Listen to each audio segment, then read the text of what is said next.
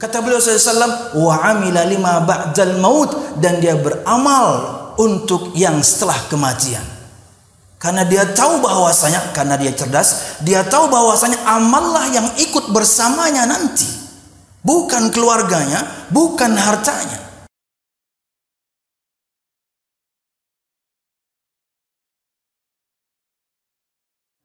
Innal hamdalillah نحمده ونستعينه ونستغفره ونعوذ بالله من شرور أنفسنا ومن سيئات أعمالنا. من يهده الله فلا مضل له ومن يضلل فلا هادي له. أشهد أن لا إله إلا الله وحده لا شريك له وأشهد أن محمدا عبده ورسوله. قال الله تعالى في القرآن الكريم أعوذ بالله من الشيطان الرجيم. يا أيها الذين آمنوا اتقوا الله حق تقاته ولا تموتن إلا وأنتم مسلمون. يا أيها الناس اتقوا ربكم الذي خلقكم من نفس واحدة وخلق منها زوجها وبث منهما رجالا كثيرا ونساء واتقوا الله الذي تساءلون به والأرحام إن الله كان عليكم رقيبا. يا أيها الذين آمنوا اتقوا الله وقولوا قولا سديدا. يصلح لكم أعمالكم ويغفر لكم ذنوبكم. ومن يطع الله ورسوله فقد فاز فوزا عظيما. فإن أصدق الحديث كتاب الله. وخير الهدي هدي محمد صلى الله عليه وسلم وشر الأمور محدثاتها فإن كل محدثة بدعة وكل بدعة ضلالة وكل ضلالة في النار. أما بعد. هدري جمع جمعة رحمكم الله الحمد لله سجل بجدا شكر مريلا كتاب تركا كبر الله سبحانه وتعالى Kemudian salawat serta salam semoga selalu tercurahkan kepada junjungan besar Nabi kita Muhammad sallallahu alaihi wasallam juga beserta para sahabatnya, keluarganya dan segenap kaum muslimin yang selalu istiqamah berpegang teguh dengan Islam sampai hari kiamat kelak. Hadirin jamaah Jumat rahimakumullah. Dalam sebuah hadis yang dikeluarkan oleh Imam Al-Bukhari dan juga Muslim Nabi Muhammad sallallahu alaihi wasallam bersabda dari sahabat Anas bin Malik radhiyallahu anhu Yatba'ul mayyitu thalatha Yatba'ul mayyitu thalatha ahluhu wa maluhu wa amaluhu fayarji'ul ithnan wa yabqa wahidun yarji'u ahluhu wa maluhu wa yabqa amaluhu Nabi Muhammad SAW bersabda, ada tiga perkara yang akan mengikuti mayit atau jenazah. Akan mengikutinya keluarganya, akan mengikutinya hartanya, dan juga akan mengikutinya amalnya. Dua di antaranya akan kembali, dan satu yang kemudian berdiam diri. Keluarga dan juga hartanya akan kembali sedangkan yang tinggal bersamanya adalah amalnya.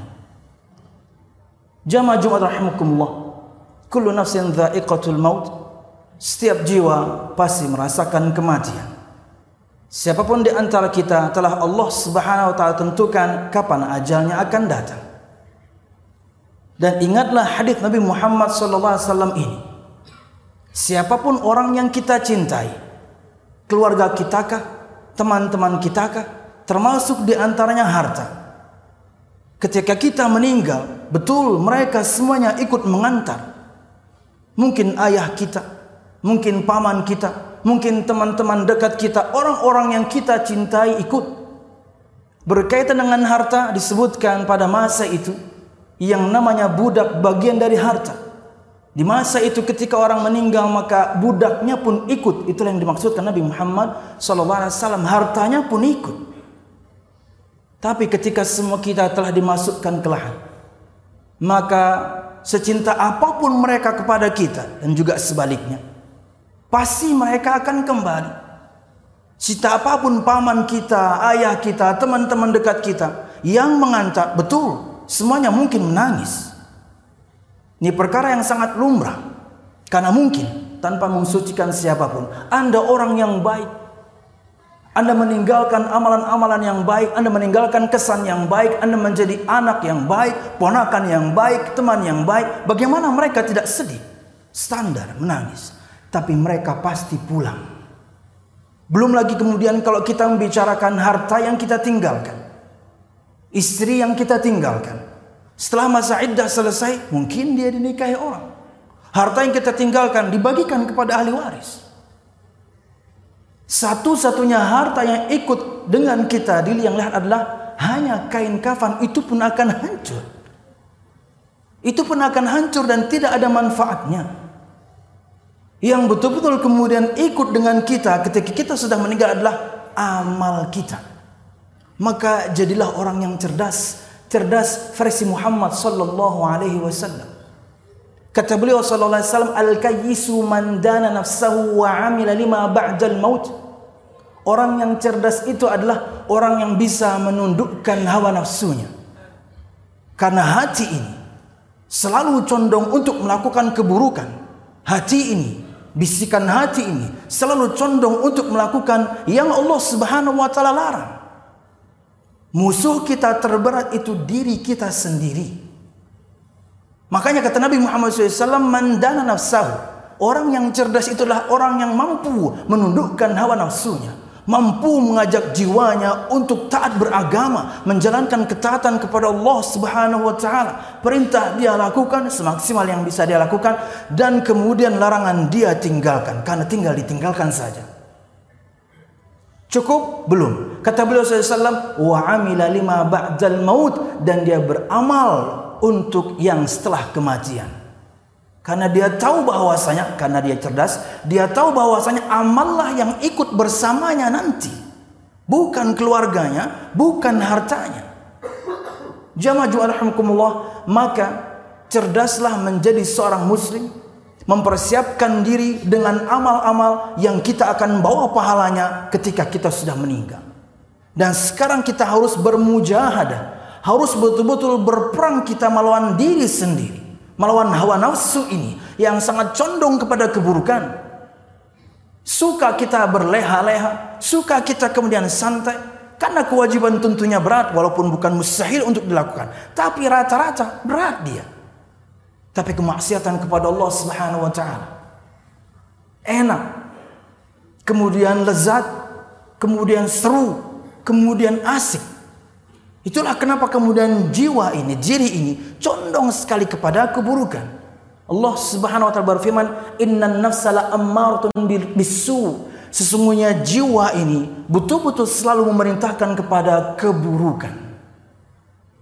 Makanya melawannya itu sangat berat kalau tidak serius kalah kita dengan diri kita sendiri. Apalagi kemudian ditopang dengan iblis yang kemudian selalu merayu kita setiap hari dan kita merespon rayuannya. Kata Nabi Muhammad SAW, "Tu'radul fitanu 'ala al-qulubi 'audan 'audan ka'irdil hasir." Fitnah syahwat itu setiap hari ditawarkan oleh iblis ke hati ini seperti layaknya tikar dibuat. Selai demi selai, pelan-pelan. Dari mungkin yang ringan-ringan Kata beliau SAW, فَأَيِّ قَلْبٍ أَشْرَبَهَا نُكِتَتْ فِيهِ نُكْتَةً سَوْدَى وَأَيِّ قَلْبٍ أَنْكَرَهَا نُكِتَتْ فِيهِ نُكْتَةً بَيْضَى Maka hati manapun yang menyerapnya, mengambilnya, tawaran ini dia ambil, tawaran maksiat itu dia ambil. Karena bisa jadi dia memandangnya ringan. Berdasarkan jargon-jargon iblis yang masuk ke benaknya. Alah korupsinya kan rame-rame. Alah korupsinya sedikit aja. Nggak bakal ketahuan juga. Sudahlah, kamu kan sedang cari nafkah. Yang kamu ambil ini juga kan untuk istrimu, untuk anakmu, untuk semua orang yang kamu tanggung. Kurang lebih seperti itu suara setan. Ya. Ditawarkan pelan-pelan terus. Kalau kita mengambilnya, maksiat ini kita ambil, maksiat itu kita ambil dibuatkan titik hitam di dalam hatinya. Bendanya itu jantung. Apakah ini secara hakiki? Wallahu alam bisawab. Kita tidak pernah belah hati para pelaku maksiat. Atau ini adalah yakni metafora atau permisalan Nabi Muhammad wasallam. Kata beliau dan ada hati yang ketika menolaknya dituliskan atau dibuatkan titik putih dalam hatinya. Bendanya itu jantung. Hingga nanti kata Nabi Muhammad SAW, hati itu menjadi terbagi dua. Qalbun aswad mirbadan kalkubi mujakhiyah. Menjadi satu, hati yang hitam seperti gelas yang tertelungkup. Enggak bisa diisi. Kata beliau SAW, La ya'rifu ma'rufan wa la yunkiru munkaran. Hati kalau sudah seperti gelas yang tertelungkup, enggak bisa diisi. La ya'rifu ma'rufan wa la yunkiru munkaran. Tidak bisa lagi mengetahui mana perkara yang baik dan tidak bisa mengingkari lagi perkara yang buruk.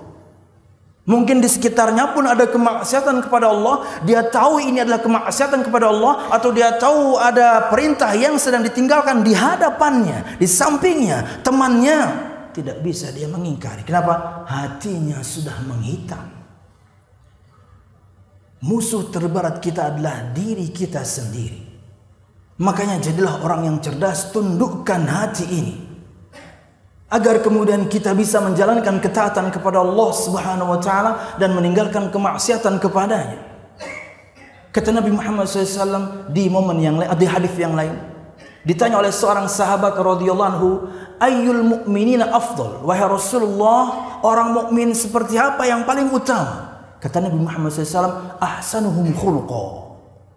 Seorang mukmin yang paling baik akhlaknya itulah yang paling utama. Kemudian sahabat ini bertanya lagi, ayul mukminina akyas? Siapakah di kalangan orang-orang yang beriman ini yang paling cerdas? Perhatikan jawab Nabi Muhammad SAW. Kata beliau SAW, yakni aktsaruhum li mauti. Orang yang paling banyak mengingat kematian wa ahsanuhum lima ba'dahu isti'jada. Dan orang yang betul-betul paling baik persiapannya untuk yang dia temukan nanti setelah kematian. Artinya orang yang beramal. Jadilah orang yang cerdas. Karena amal inilah yang kita akan bawa ketika kita meninggal. Bahkan ulun sering menyampaikannya. Untuk satu amal yang namanya bersedekah itu harapan orang yang mati kalau bisa negosiasi dengan malaikat maut. Sayangnya nggak bisa dalam surah Al-Munafikun Allah Subhanahu wa berfirman, "Wa anfiqu mimma razaqnakum min qabli an ya'tiya ahadakumul maut fayaqul rabbi laula akhartani ila ajalin qarib fa asaddaqa wa akum minas salihin." Dan infakkanlah, belanjakanlah, entah itu yang wajib, entah itu yang sunnah. Dari rizki yang telah aku berikan kepadamu. Di antaranya sedekah. Karena yang namanya infak itu mengeluarkan harta secara umum. Ada yang wajib nafkah kita kepada keluarga, ada yang wajib zakat yang kita tunaikan. Ada juga kemudian infak yang sunnah, sedekah.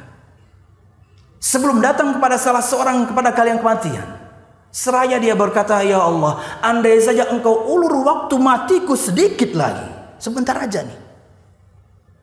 Malaikat maut datangnya mungkin nanti habis Jumatan, bisa nggak sampai asar? Sebentar aja. Mau ngapain? Fa'asaddaqa, aku ingin bersedekah. Wa aku minas aku ingin menjadi bagian dari orang-orang saleh.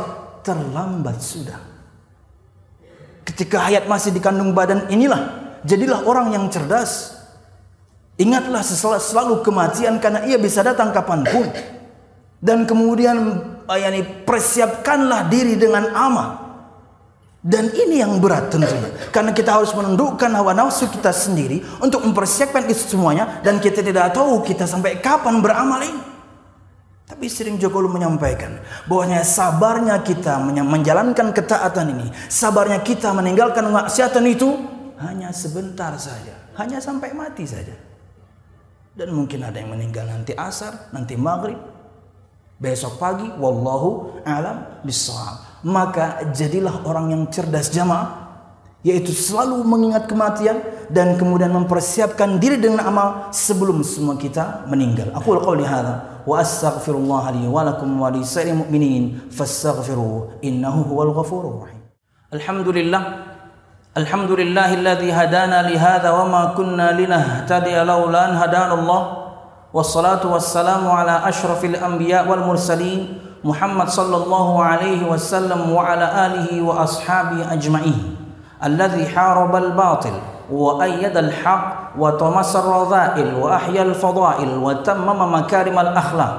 وهدى الناس إلى صراط مستقيم. صراط الذين أنعم الله عليهم من النبيين والصديقين والشهداء والصالحين. وحسن أولئك رفيقا. جمع جمع رحمكم الله. Dalam surah Yasin ayat 12 Allah Subhanahu wa taala berfirman Inna nahnu nuhyil mauta wa naktubu ma qaddamu wa atharahum ila akhir al-ayat Sesungguhnya kamilah yang menghidupkan yang telah mati. Dan kamilah yang mencatat semua amal yang mereka telah persembahkan. Dan semua amal atau jejak amal yang mereka tinggalkan. Jemaah rahimkumullah.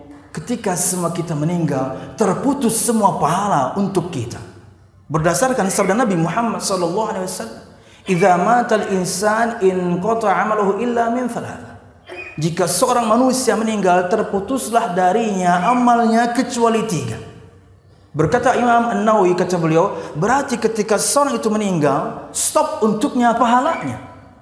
Tapi Nabi Muhammad SAW memberikan pengecualian kata beliau, tiga amal ini. Kata beliau SAW, sadaqatun jariyah.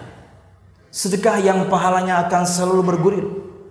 Wa ilm yuntafa'u bihi dan ilmu yang dimanfaatkan dengannya au waladin salih yad'u lahu atau anak yang saleh yang berdoa untuknya.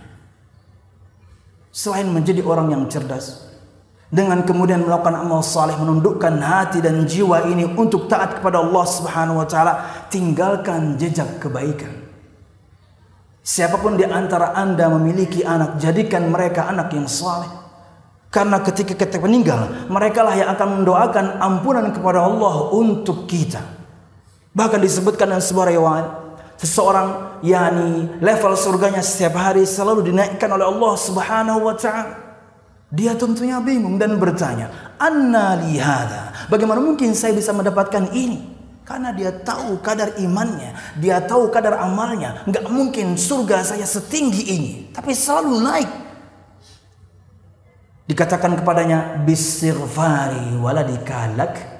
Ini semuanya karena permohonan ampun yang selalu dipanjatkan anakmu untukmu. Ustaz, saya belum punya anak.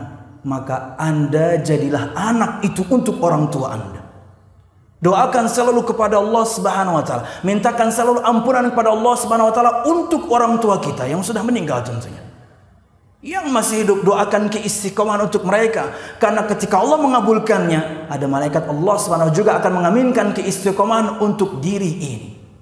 Ya, jika kita belum memiliki anak, maka Anda pasti anak dari seseorang.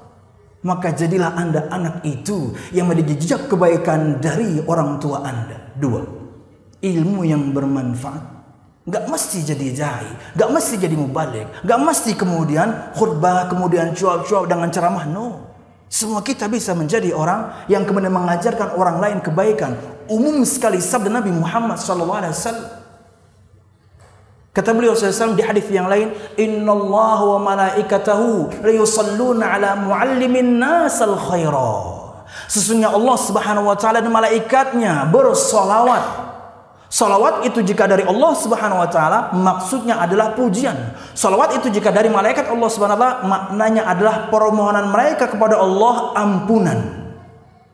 Sesungguhnya Allah Subhanahu wa taala dan malaikatnya bersalawat untuk orang-orang yang mengajarkan orang lain kebaikan. Ajarkan istri kita kebaikan. Ajarkan anak kita kebaikan, ajarkan teman kita kebaikan. Satu firman Allah Subhanahu wa taala, satu sabda Nabi Muhammad SAW yang Anda pahami betul-betul dakwahkan. Balighu anni walau ayah. Sampaikan dari aku kata Nabi Muhammad SAW walaupun cuma satu ayat. Mampu Anda menyampaikan itu dengan lingkup yang tentunya berbeda-beda. Ada yang luas lingkup kita, ada yang kecil mungkin keluarganya saja. Ajarkan kebaikan. Karena kita sudah meninggal, Ilmu itu kemudian mereka praktekkan. Kita sudah meninggal, kemudian mereka mendoakan, pahala selalu bergulir luar biasa. Dan juga sedekah subhanallah. Dan Nabi Muhammad SAW yakni memberikan percontohan untuk sedekah ini agar semua umatnya bisa melakukan. Bukan cuma orang yang memiliki kelebihan harta, enggak, semua kita bisa. Karena beliau mencontohkan dengan sesuatu yang sangat remeh. Kata beliau SAW, La yatasaddaqu ahadun bitamratin min kasbin tayyibin illa qabilah Allah subhanahu wa ta'ala biyamini thumma yunammiha kama yunammi ahadukum faluwahu au qalusahu hatta takuna mithlul jabali a'awam. Atau kama qala sallallahu alaihi wasallam. Tidaklah salah seorang di antara kalian bersedekah dengan sebiji kurma. Terjemahan yang lain, dengan sesuatu setara dengan sebiji kurma. Kurma itu mahal kalau satu kilo, apalagi kurma ajwa tentunya. Mahalnya itu kalau satu kilo, sebiji pasti murah. Maksudnya Nabi Muhammad mengajarkan kepada kita, ini loh, remeh, semua kalian bisa melakukannya.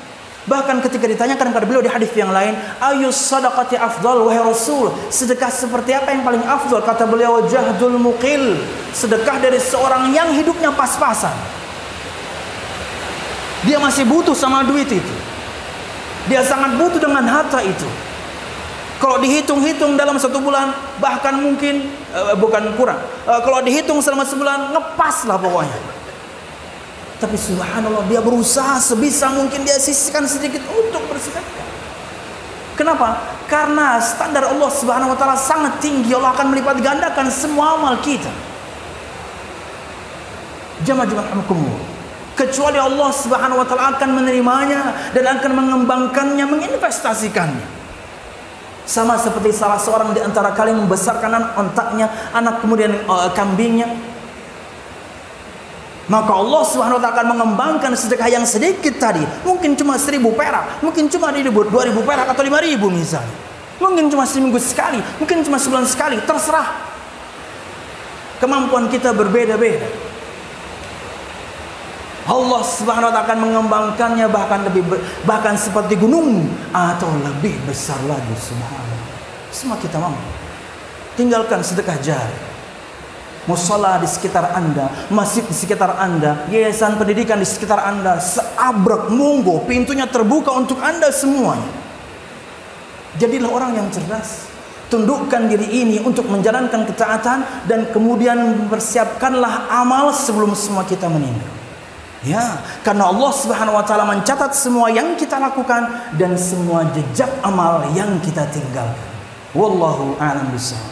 Ini yang bisa saya sampaikan jemaah. Mudah bermanfaat salah dan khilaf. Mohon maaf. Semoga Allah Subhanahu wa taala berikan kita karunia agar kita menjadi orang-orang yang cerdas. Amin ya rabbal alamin. Betul-betul bisa melawan hawa nafsunya masing-masing hingga dia bisa menaklukkan dirinya untuk menjalankan ketaatan dan sabar dalam menjalankannya dan juga meninggalkan kemaksiatan dan sabar menghadapi kemaksiatan yang nikmat-nikmat. Amin. Dan kemudian semua kita insya Allah bisa menjadi orang cerdas mempersiapkan diri untuk segala sesuatu yang nanti kita akan hadapi setelah kematian. Maka beramallah jemaah. Selama ruh masih dikandung badan, yani beramallah dalam bentuk apa pun. Dengan amal hati boleh, amal lisan boleh, amal perbuatan apalagi. Wallahu a'lam bishawab. Ini yang saya sampaikan. Allah maksudna min khasyatika ma ta'ulu bihi bainana wa baina ma'siyatik wa min ta'atika ma tuballighuna bihi jannatak wa min al-yaqin ma tuhawwinu bihi 'alaina masa'ib ad-dunya. ومتعنا الله بأسماعنا وأبصارنا وقواتنا أبدا ما أحييتنا. واجعله الوارث منا واجعل ثأرنا على من ظلمنا. حرم الراحمين. ربنا هب لنا من أزواجنا وذرياتنا قرة أعين واجعلنا للمتقين إماما. ربنا لا تزغ قلوبنا بعد إذ هديتنا وهب لنا من لدنك رحمة إنك أنت الوهاب. اللهم إنا نسألك حسن الخاتمة. ونعوذ بك من سوء الخاتمة يا أرحم الراحمين. اللهم إنا نسألك الجنة وما قرب إليها من قول أو عمل ونعوذ بك من النار وما قرب إليها من قول أو عمل. ربنا آتنا في الدنيا حسنة وفي الآخرة حسنة وقنا عذاب النار. سبحان ربك رب العزة عما يصفون والسلام على المرسلين والحمد لله رب العالمين.